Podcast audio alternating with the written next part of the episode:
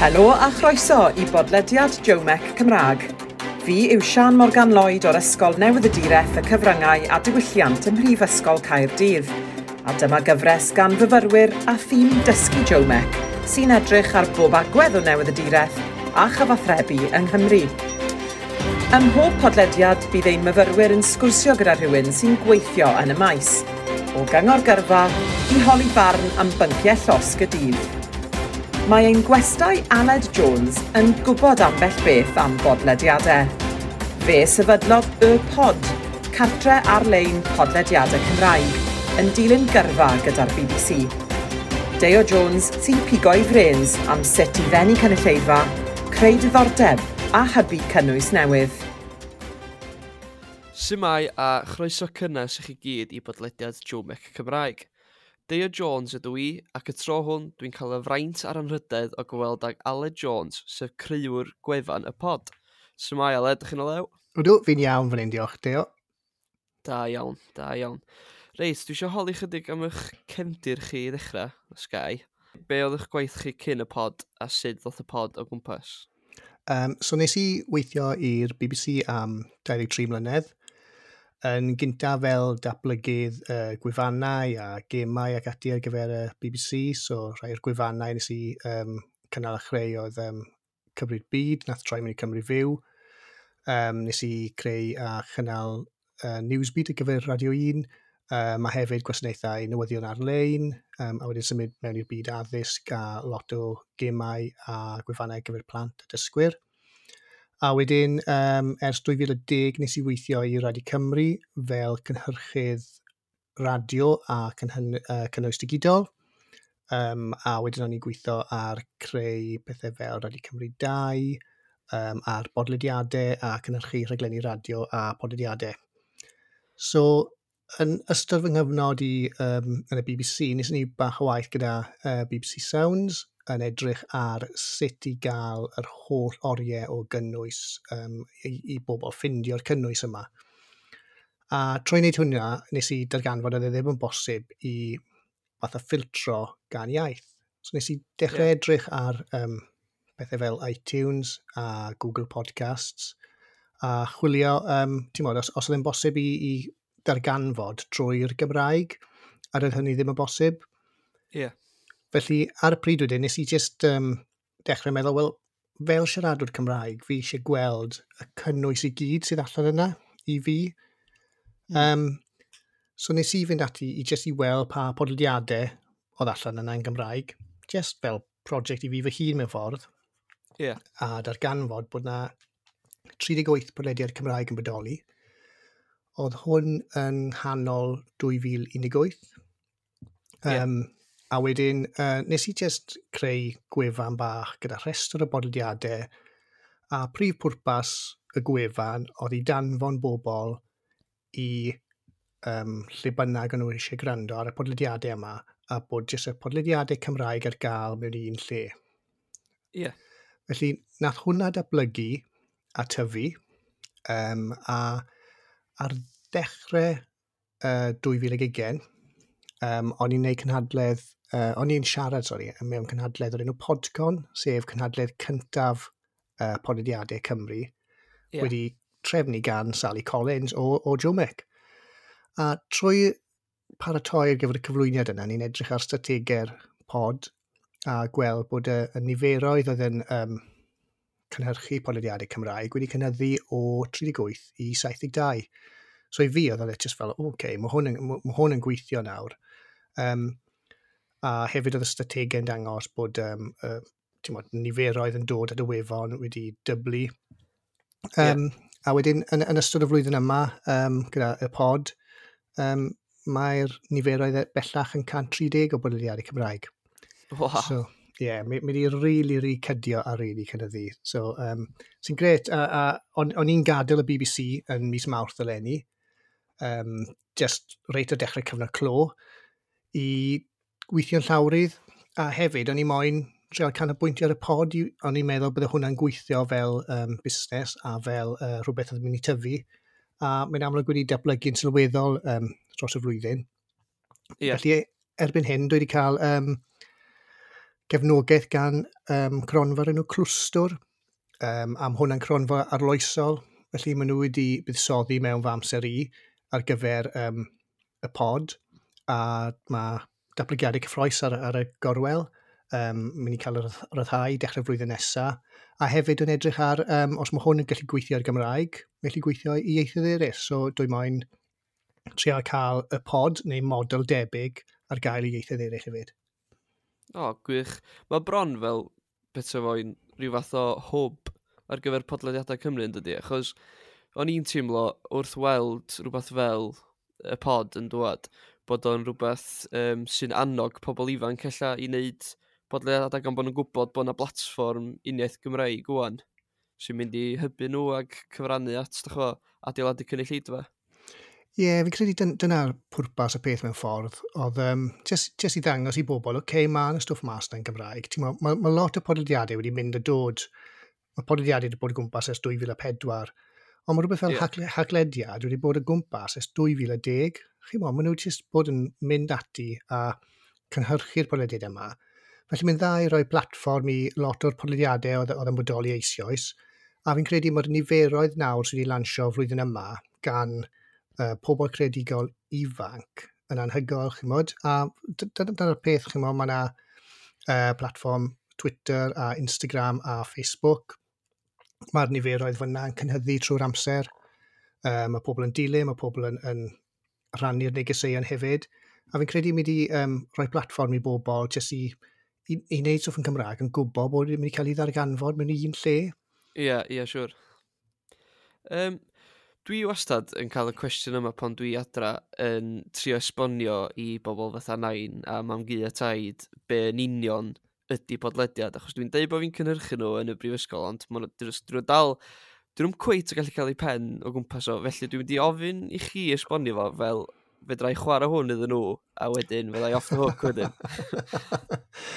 OK, wel, yn, yn syml, mae podlediad yn ffail sain sy'n cael ei rannu dros y we. Dyna ni, ti'n modd, yn, yn, yn syml iawn, dyna beth yw e. Ond, yeah. um, so, mae'n dod o'r hen ddyddiau am sydd ydych chi iPod, um, A yr unig ffordd o gael cynnwys ar, ar yr iPod oedd rhaid chi lawr lwytho i cyfrifiadur chi trosglwyddo iPod, iPod a wedyn o'ch chi mynd y gwrando um, ble bynnag o'ch eisiau um, chi mor fel bod chi'n symud, achos oedd, oedd dim ffôns gyda mobile data gyda hwn. Wel, erbyn hyn, mae pawb gyda mobile data a mae pawb gallu gwrando ar ffôn y symudol nhw lle bynnag maen nhw. Yeah. Felly, mae polyddiadau, maen nhw wahanol i um, radio, mewn y ffordd, does dim cerddoriaeth mewn podlediadau. Hefyd, mae podlediadau'n fwy am yr unigolyn, so chi'n darlledu um, ar gyfer person unigol yn hytrach na gynulleidfa. Mae rhan fwyaf o pobl yn gwrando i bodlediadau ar clisffonau. Um, a chi'n bod, so chi'n darlledu yn syth mewn i clistau pobl, a maen nhw'n canolbwyntio ar be maen nhw'n gwrando arno. Fi'n credu hefyd, beth be sy'n wahanol i bodlediadau hefyd, yw gyda rhaglen radio, mae ydych chi strwythyr o amserlen a mae rhaid i chi creu rhaglen hanner awr neu awr. Ie. Yeah. So gyda podlediad, gallai fod mor hir neu mor fyr, a mae angen fod. So chi'n gwybod bod chi'n cael y sgwrs cyf cyfan, neu mae bob eiliad o'r podlediad yma yn addas yn gyfer cluster rhywun. Chi'n gwybod bod bob un eiliad chi'n gwrando arno yn werthfawr. A fi'n credu mae hwnna'n wahaniaeth mawr, A beth sy'n neis yn bolidiadau, ti'n modd, oedd pobl cyn y cyfnod clo yn gwrando wrth nhw deithio i'r gwaith a deithio nôl i'r gwaith, neu teithio i lle bynnag o'n nhw'n nhw mynd. Ie. Yeah. Erbyn hyn, mae pobl jyst yn gwrando trwy'r dydd, mae ffigurau'n dangos bod pobl jyst yn gwrando trwy'r dydd, a, mae'n gred. A hefyd, os, os mae chi, os mae chi diddordeb yn rhywbeth, chi'n mawr, rhywbeth bach, so er enghraifft, fi'n buddsoddi lot o amser mewn gwrando i bodoliadau seiclo, wel pryn iawn ewch chi glywed seiclo ar y radio, falle gewch chi rhywbeth yn y Tôr de France cyngor dros yr haf. Ond yeah, i fi, yeah. fi, fi, fi, fi gwrando ar um, pa reidiwr sy'n mewn pa rasau um, ar draws y flwyddyn i gyd a ffind y mas amdano, um, chi'n chymod, gamp i fi'n rili really ymddiddori mewn, bydde fi ddim fel arfer yn clywed amdan y pethau yma. Ie, yeah, siwr. Sure. Ie, yeah, achos mae podlediadau mewn ffordd yn cyfrannu at y diwydiant marchnata a brandio yma yng Nghymru dydy, am bod nhw mor, dach chi'n mae pobl yn gwrando arnyn nhw'n uniongyrchol i glwad be maen nhw eisiau glywed mewn ffordd yn dydy. Ie, yeah, mae'n mae rili diddorol, chi'n bod, mae rhywun yn tanysgrifio i bodlediad um, yn gyda gwybod be maen nhw'n cael um, o, o fewn y pwnc yna. So, chi'n bod, er enghraifft, os i fi'n tanysgrifio i'r podlediad am seiclo, fi'n gwybod os mae hysbyseb mewn fyna, Mae'n mynd i targedu rhywun fel fi. So mae'n ffordd hefyd i noddwyr a brands i dargedu unigolion. So trwy hysbysebu neu cefnogi podlediad, maen nhw'n gwybod maen nhw'n mynd i cyrraedd gynulleidfa targed. Sdim rhaid nhw cynnaf edrych am y gynulleidfa hunan nhw, mae'r gynulleidfa yna'n barod. Yeah. A hefyd mae pobl achos maen nhw'n gwrando ar clisfonau, fi'n credu maen nhw'n fwy ymateb, maen nhw'n fwy debygol i ymateb i, bodlediad, i hysbosebion yn y podlediad. Fi'n credu mae'r strateg yn dangos bod rhyw 67 neu 70 y cant yn ymateb i brandiau maen nhw'n clywed mewn podlediadau. A mae hysbosebion mewn podlediadau yn gallu fod yn rili, really, rili really syml. Gallu fod yn fi yn darllen mas sgript yn gweithio, ti'n modd, am yr hysboseb. Ie, yeah, ie, yeah, siwr. Sure. Mae hyd yn oed cwmniad bach nawr yn camu mewn a noddi rai podlediadau. Ie, yeah, achos Wel, wrth edrych ar hynny o ran marchnata a brandio, byddech chi'n deud fod yna genre penodol o bodlediad sydd yn fwy llwyddiannus na'r llall, er enghraifft cho, podlediad ffeithiol neu podlediadau sydd yn adro stori neu hanes? Ie, yeah, chi'n chi modd, os chi'n edrych ar um, strategau, mae um, comedi fi'n credu yw'r podlediadau fwyaf poblogaidd a fatha um, podlediadau diwylliannol. So dyna'r fwy, fwyaf poblogaidd, really, mewn ffordd. Um, a'r steil hefyd fwyaf poblogaidd yw, yw fatha cyfweld y rhywun. Um, a rheina yeah. sy'n dwyni bobl. A chi'n mo, mae pobl yn gweud, maen nhw eisiau gwrando rhywun, maen nhw'n lli ymddiddori mewn, ond hefyd sy, maen nhw'n ffindio'n eitha doniol, um, chi'n mo, sy'n sy, sy, eitha ysgafn mewn ffordd. Um, dyna beth sy'n gweithio yn, yn, yn Saesneg yn bennaf, a hefyd mae yna ma lot o bodlediadau true crime na'r hefyd, um, chi'n bod, mae pobl yn rili, really, really hoffi rheina, ond i greu podlediad um, true crime, mae yna lot, a lot o ams, amser a ymchwil yn cael ei roi rhein, mewn i rheina. Felly mae nhw'n, mae llai o rheina na cyfweliad, achos mae nhw'n lot yn edrych i cynnyrchu. Ie, yeah, siwr. Sure. Um, yeah, fel oedd chi'n deud, mae podlediadau comedi yn, yn boblogaidd. So ni'n deud bod fi yn mynd at yr grŵp yna o dilynwyr lle, achos dwi'n gwybod, mae'n rhywbeth braf yn does mewn podlediad. Mae bron fel bod chi'n gweld ochr fwy ymlaciol o'r person yn lle cyfweliad ar teledu neu rhywbeth felly. Ie, yeah, fi'n fi, credu mae bendant pobl yn ymlacio lot fwy mewn podlediad na beth yw nhw ar radio, fi'n credu. Mae'n teimlo lot fwy anffurfiol. Um, a hefyd, chi'n modd, amser mae cyflwynwyr ar bodlediadau, maen nhw ddim wedi kind ymrwymo mewn i cyfyngiadau y darlledwr, maen nhw'n darlledu arno fel arfer. So, enghraifft o hwn, chi mod, mae'r um, Socially Distant Sports Bar gan um, Mike Bubbin, Steph Guerrero a Ellis James. Yeah. Chi mod, maen nhw'n gweud stwff bydden nhw byth yn cael gweud ar yr awyr. Um, chi mod, mae, mae iaith nhw'n eitha grif mewn weithiau hefyd, ond mae'r podlediadau yma, chi mod, mae'n lli fod yn, yn credu ar y dechrau nhw'n awr, weithiau maen nhw bron i ddwy awr, ond maen nhw'n yeah, gwybod yeah. mae pobl wedi ymddiddori mewn y pwnc nhw ac yn trafod pethau. A mae, mod, mae pobl yn gweud, o, maen nhw'n gweud stwff, bydde, bydde ni'n gweud wrth ffrindiau fi a pethau. Wel, well, yeah. dyna holl pwrpas y peth, bod chi'n twmlo bod chi'n rhan o'r sgwrs yma, a mae'n gred bod nhw'n denu chi fewn. A dyna beth, beth yw cyfrinach um, podlediad da, bod nhw'n denu chi mewn, bod chi'n teimlo mm. bod chi'n rhan o'r sgwrs yma yn hytrach bod chi'n eistedd yna yn gwrando, chi'n twmlo bod chi'n rhan o fe. Ie, yn sicr. Mae o'n... Um, mae bron fel bod chi'n rhan o'r sgwrs yn dydi, am bod yna gymaint o ryddid, mae o'n jyst yn teimlo fel sgwrs hamddenol rhwng ffrindiau. Ydy, ie. Yeah, a, a mae rhaid wneud e mewn ffordd clefer iawn. Mae ma, ma lot o'r, wel, mae rhan fwyaf o'r podlediadau sy'n really, really um, da ac yn really cael lot o randawyr yn cael ei olygu. Ond maen nhw'n cael ei olygu mewn ffordd bod chi ddim yn sylweddoli bod nhw wedi cael ei olygu. A dyna'r yeah. gyfrinach fi'n credu trwy fod yn cynhyrchydd da yw creu rhywbeth lle, oce, okay, chi wedi golygu fe rhywfaint, ond mae'r gynulleidfa dal yn meddwl bod e'n rhywbeth hollol naturiol. Hmm. Achos dyna, o'n i'n mynd i ofyn i chi nesaf sef beth sy'n gwneud y gwahaniaeth rhwng podlediad golew a podlediad gwych. Ie, yeah, fi'n credu jyst um, dyn i gynulleidfa mewn i we mewn ffordd. Um, a hefyd bod chi'n siarad i'r unigolyn. Chi'n modd, mae rhaid chi feddwl, ma, os mae rhywun yn gwrando ar clisfonau, chi'n siarad i nhw yn unigol, gyda rhywbeth fel radio, mae radio arno fel sŵn cefndir, um, chi'n modd, a falle bod pobl ddim yn canolbwyntio gymaint. Ond gyda podlediad, mae rhywun yn rili, really, rili really canolbwyntio. So fi'n credu, mae'r cynnwys yn gyrffod bod yn rili really da, a mae strwythu'r da i bodlediad yn gwneud wahaniaeth nes i weld strategau yn diweddar oedd pobl yn gweud um, bydde rhywbeth heb strwythyr yn troi nhw i ffwrdd fwy na rhywbeth gyda sain gwael. Ie. Yeah. Sy'n rili really diddorol, ac fi'n credu mae pobl eisiau gwybod, oce, okay, lle dwi'n mynd gyda hwn. So mae'n arferiad da amser chi'n recordio podlediad. I cael rhyw fath o menu ar top y podlediad yn gweithio i'r grandawyr. Nes i cael sgwrs gyda um, so and so, a yn y cyfweliad, dyma beth wnaethon ni trafod, a fi'n credu mae pobl yn gwybod wedyn, oce, okay, mae hwnna'n gred, fi'n gwybod yn union beth i disgwyl. Ie, yeah, ie, yeah, siwr. A beth be sy'n, ti'n modd, beth sy'n rili really diddorol yw bod pobl yn gwrando ar bob un eiliad o podlediad. Mae ddim fel bod nhw'n dipo mewn y mas fel rhywbeth fel radio a, a gwrando am 50 munud. Mae nhw'n gwrando ar y peth yn ei chyfanrwydd. So maen nhw'n buddsoddi amser nhw mewn i'r podlediad, felly mae rhaid i'r podlediad roi rhywbeth rili really dda yn ôl iddyn nhw hefyd. Wel, ie, yeah, achos, da chwa, os does na'm byd gwaith na colli rhan o sgwrs, so wedyn trio ymuno eto, na gys? Na, na. Am hwnna'n neis am bodlediad, chi mo, chi chi gwasgu pause, chi chi mynd, um, a dod nôl ato fe hefyd.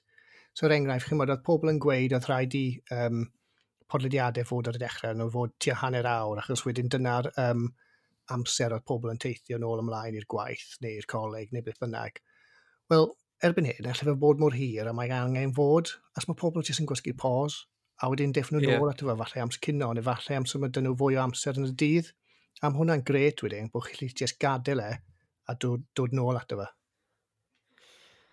Gwych, o'n eisiau gofyn i chi, sut ddigwyddodd y sgil Alexa Cymraeg gynta, achos dwi'n gwybod da ni'n mynd ar sail holl o wahanol, ond mae hwn yn rhywbeth, dycho, eitha diwylliannol, mae'n rhywbeth sy'n newid gael ei wneud am tro cynta gen y pod.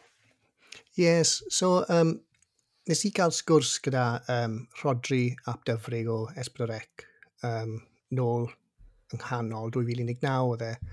Um, oedd e wedi bod yn trafod gyda cwmni yn Abertawe yn nhw Mobilise Cloud a maen nhw'n arbenigo mewn um, sgiliau gyfer Alexa.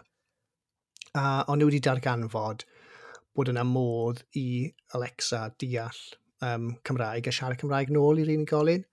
Yeah. Felly wnaethon ni um, fynd ati a, a cydweithio ar y sgil Alexa Cymraeg yma. A'r bwriad oedd um, jyst i cael Alexa chwarae'r podlediadau Cymraeg yn ôl i'r unigolyn. A mae'n anhygol i, i glywed, ti'n modd, llais Alexa yn siarad yn ôl at chi yn y Gymraeg. Um, yeah.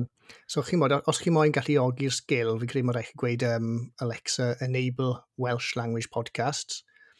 A wedyn ar ôl hwnna, chi jyst yn gweud i, i open Welsh language podcasts.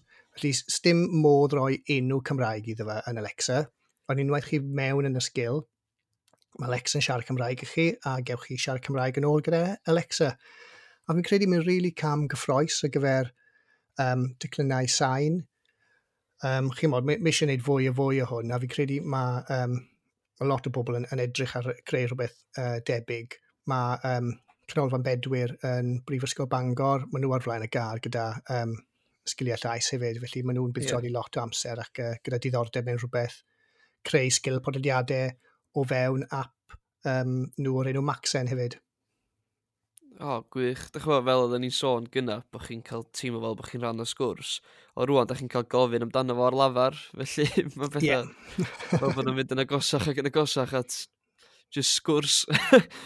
Ie, yeah, chi'n chi modd, i, i fi mae'n bwysig i gael y Gymraeg ar gael mewn gymaint o lefydd a bosib o ran technoleg. Chi'n modd, mae'n mae mor bwysig i cael Cymraeg ar Alexa A dyna hmm. bwriad y peth oedd jyst i dangos i bobl, oce, okay, mae hwn yn bosib nawr, chi'n bod, dyma be ni gallu neud gyda fe. Yeah, mae'n yeah, mae sgil weddol syml, um, chi'n bod, mae, mae warir podlediadau Cymraeg, mae ma pobl yn defnyddio fe i wrando hefyd, mae'r niferoedd yn eitha uh, iach hefyd o ran defnyddwyr. So mae'n gred i gwybod, ti'n modd, os chi'n rhoi rhywbeth allan yna, mae pobl yn troi at fe, defnyddio fe. Ie, yeah, ie. Yeah. O, oh, gwych. Dwi'n chi'n mae o'n... Mae o'n symud Cymru ymlaen ar y bws technoleg fawr ma dydy. Ydy, ie, yeah, ie. Yeah. Achos, chi'n modd, i fi fel um, person sy'n ym, ymddiddori mewn pethau technigol, chi'n modd, i fi, fi moyn eistedd mewn driverless car fi a siarad Cymraeg.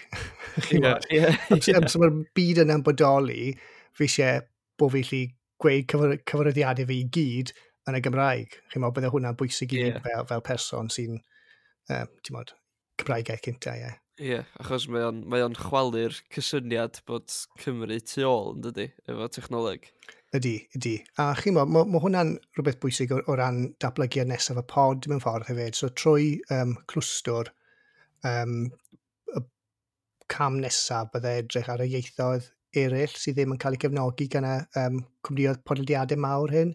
Yeah. So chi mon, mae yna llwyth o ieithoedd ar draws Ewrop um, lle does dim model debyg i'r pod yn bodoli. A fi'n credu mae ma, ma eisiau cefnogaeth ar y ieithoedd yna hefyd. Um, mm. So byddai fe'n diddorol gweld os mae'r model yma yn gallu gweithio ar gyfer ieithoedd eraill. Um, a chi mod, mae, jyst yn dangos, oce, okay, os nad yw un o'r cwmnioedd mawr yma'n cefnogi iaith chi, mae dal yn bosib i fynd ati i wneud rhywbeth. Um, ond mae rhaid chi jyst buddsoddi amser mewn i fe a gwneud e, fi'n credu. Ie. Yeah. Uh, ar sail holl o wahanol unwaith eto, yeah, yeah. sut mae rhywun yn mynd ati i greu brand ar gyfer eu podlediad nhw? Or, er, achos, da chi'n da chi'n gorau creu brand personol fel cyflwynydd a da chi'n gorau unithu efo'ch cynulleidfa. Felly sut mae, da chi'n sut mae creu y brand na i fod yn rhywbeth perffaith i chi? Ie, yeah, fi'n fi, fi credu mae brand podlediad yn holl bwysig um, ar gyfer gwerthu'r podlediad i'r gynulleidfa, achos dyna beth chi'n neud yn y bôn, bod chi'n chi moyn i bobl buddsoddi amser nhw mewn i wrando ar podlediad chi. So fi'n credu mae, mae enw yn rili really bwysig o ran podlediad. Mae rhaid i fe fod yn enw mae pobl gallu cysylltu gyda'r pwnc. Uh, fi'n credu hefyd mae angen gwaith celf rili really da. So mae pobl hefyd yn gwybod yn union beth yw'r podlediad hefyd. Yeah. So mae, a hefyd, ti'n gwybod, gyda gwaith celf, mae rhaid edrych ar gwaith celf, ar ffonau, ar sgrins mawr, a ed, edrych fel mae gwaith celf yn sefyll allan o bodlediadau er, eraill. A fi'n credu mae rhaid trafod gyda pobl sy'n ymddiddori yn y pwnc i weld be maen nhw eisiau mas o podlediad, um, be maen nhw'n disgwyl, a hefyd edrych ar um, pwy arall sy'n neud pethau tebyg a gweld be maen nhw'n neud sy'n gweithio, be maen nhw'n neud sy'n ddim yn gweithio, a cael gyd o hwnna roi e mewn i podlediad chi. O ran um, y brand y podlediad, bydde fi'n fy hun yn, um, chi bod, bod y cyflwynydd yn ar wahân o brand y podlediad. So mae yna yeah. um, cyfrifon cymdeithasol ar gyfer y podlediad, a hefyd bod y cyflwynydd gyda cyfrifon cyfryngau cymdeithasol eu hunan hefyd. A mae hwnna'n golygu all y cyflwynydd hyrwyddo'r brand, a hefyd all y brand hyrwyddo'r cyflwynydd. So mae'r ddau peth yn digwydd mewn gysondeb. Ie, uh, ie, siwr. Chi'n modd, a wedyn, um, achos weithiau, os, os, os, os mae yna brand allan yna, be newch chi ffindo yw bod pobl ddim yn rhannu neges y brand, ond maen nhw'n hoffi y cyflwynydd, felly maen nhw'n rhannu neges y cyflwynydd. So mae'r ma, ma, ma, ma ddau peth yn gweithio gyda'i gilydd. Ie, yeah, mae'r ddau yn mynd law yn law, bron. Ie, yeah, bendant, ie. Yeah. Reit, o ran rhoi cyngor i bodledwyr newydd, os byddech chi'n gorfod rhoi tri cyngor sydyn i bodledwyr sydd yn dechrau rwan, be fyddech chi'n ddweud? Um, byddwn fi'n gweud i ymchwilio pwnc chi i newch, newch yn siŵr bod chi'n nabod gynulleidfa chi cyn i chi ddechrau podlediad. So i gwybod pwy chi'n darchedu, darge, targedu, um, lle mae'r gynulleidfa um, ar ba blatfform ar gynulleidfa. So er enghraifft, um, gallwch chi targedu pobl ar Facebook mewn Facebook groups, neu chi'n mynd i buddsoddi lot amser chi mewn i Twitter neu Instagram. So mae lan i chi gwybod lle mae'r gynulleidfa. Falle bod nhw ar TikTok, falle bod nhw ar Snapchat, ond bod chi'n gwybod, oce, okay, dyma pwy fi eisiau targedu. A fi'n credu mae, mae hwnna'n bwysig trwy cynllunio'r holl podlediad. Yeah. Fi'n credu hefyd mae'n bwysig i gynllunio podlediad. So os ych chi mynd i um, creu podlediad, bod chi'n cynllunio, oce, okay, mewn rhifin 1, fi'n mynd i trafod hwn, rhifin 2, 3, 4, bod chi'n gwybod lle chi'n mynd gyda'r podlediad yma. A hefyd i, i fi, bydde fi'n recordio podlediadau o flaen llaw, a falle bydde fi'n cadw rhyw 2 neu 3 yn y banc um, i ryddhau, pryd bynnag chi eisiau ryddhau. Yeah. So beth sy'n neis yn podlediad, sdim pwysau arnych chi i ryddhau podlediad ar gyfer amser penodol. So mi lan i chi pryd chi'n rhyddhau podlediad. A mae hwnna'n rili, really, really bwysig. Mae'n mae rhoi llai o bwysau arnoch chi os chi'n dod mewn i'r meddylfryd yna. Chi'n bod, dim pwynt meddwl, fi'n mynd i um, cyhoeddi podlediad wythnosol os mae dim ar amser gyda chi'n neud hwnna. Yeah. So, just newch, oce, okay, fi'n mynd i cyhoeddi podlediad, pryd i fi eisiau podlediad, uh, cyhoeddi fe. So, mae llai o pwysau arnoch chi. A fi'n credu y trydydd peth um, bydde just i i arbrofi gyda um, recordio chi eich hun mewn ffordd cyn i chi wneud y podlediad. So dod i arfer gyda sŵn eich llais chi. Um, hefyd i weld pa offer um, sy'n addas ar gyfer gofod recordio chi. So, chi mae rai pobl yn defnyddio ffonau symudol, ond mae ma mics nawr yn, yn rili really rhad, a mae'r ma, ma mics yn lot well na'r mics yn y ffonau symudol. Ond hefyd i wneud yn siŵr bod y gofod lle chi'n recordio um, yn addas ar gyfer recordio. So boes, does dim fatha fans o gwmpas, does dim lot o sŵn o gwmpas. Um, a hefyd, bod y, bod y recordio yn broses bod chi'n cyfforddus gyda. A unwaith chi'n hapus gyda, gyda hwnna, fi'n credu chi lle mynd ati wedyn a dechrau recordio podlediad eich hunan. O, oh, gwych, Aled. Wel, diolch o galon i chi am ddod i siarad efo ni. Dwi'n siŵr fydd llawer o'r wybodaeth chi wedi rhoi heddiw yn fuddiol iawn i fyfyrwyr Jomec a fyfyrwyr ledled o lad sy'n bwriadu dechrau podlediad. Groeso. diolch yn fawr. Gret, diolch. Deo Jones yn trafod byd y pod gyda Aled Jones. Am fwy o wybodaeth am ein cyrsiau, ewch i at Jomec Cymraeg ar Twitter. Cofiwch am weddill y gyfres, ond am y tro, diolch yn fyndo ar pod Jomec Cymraeg.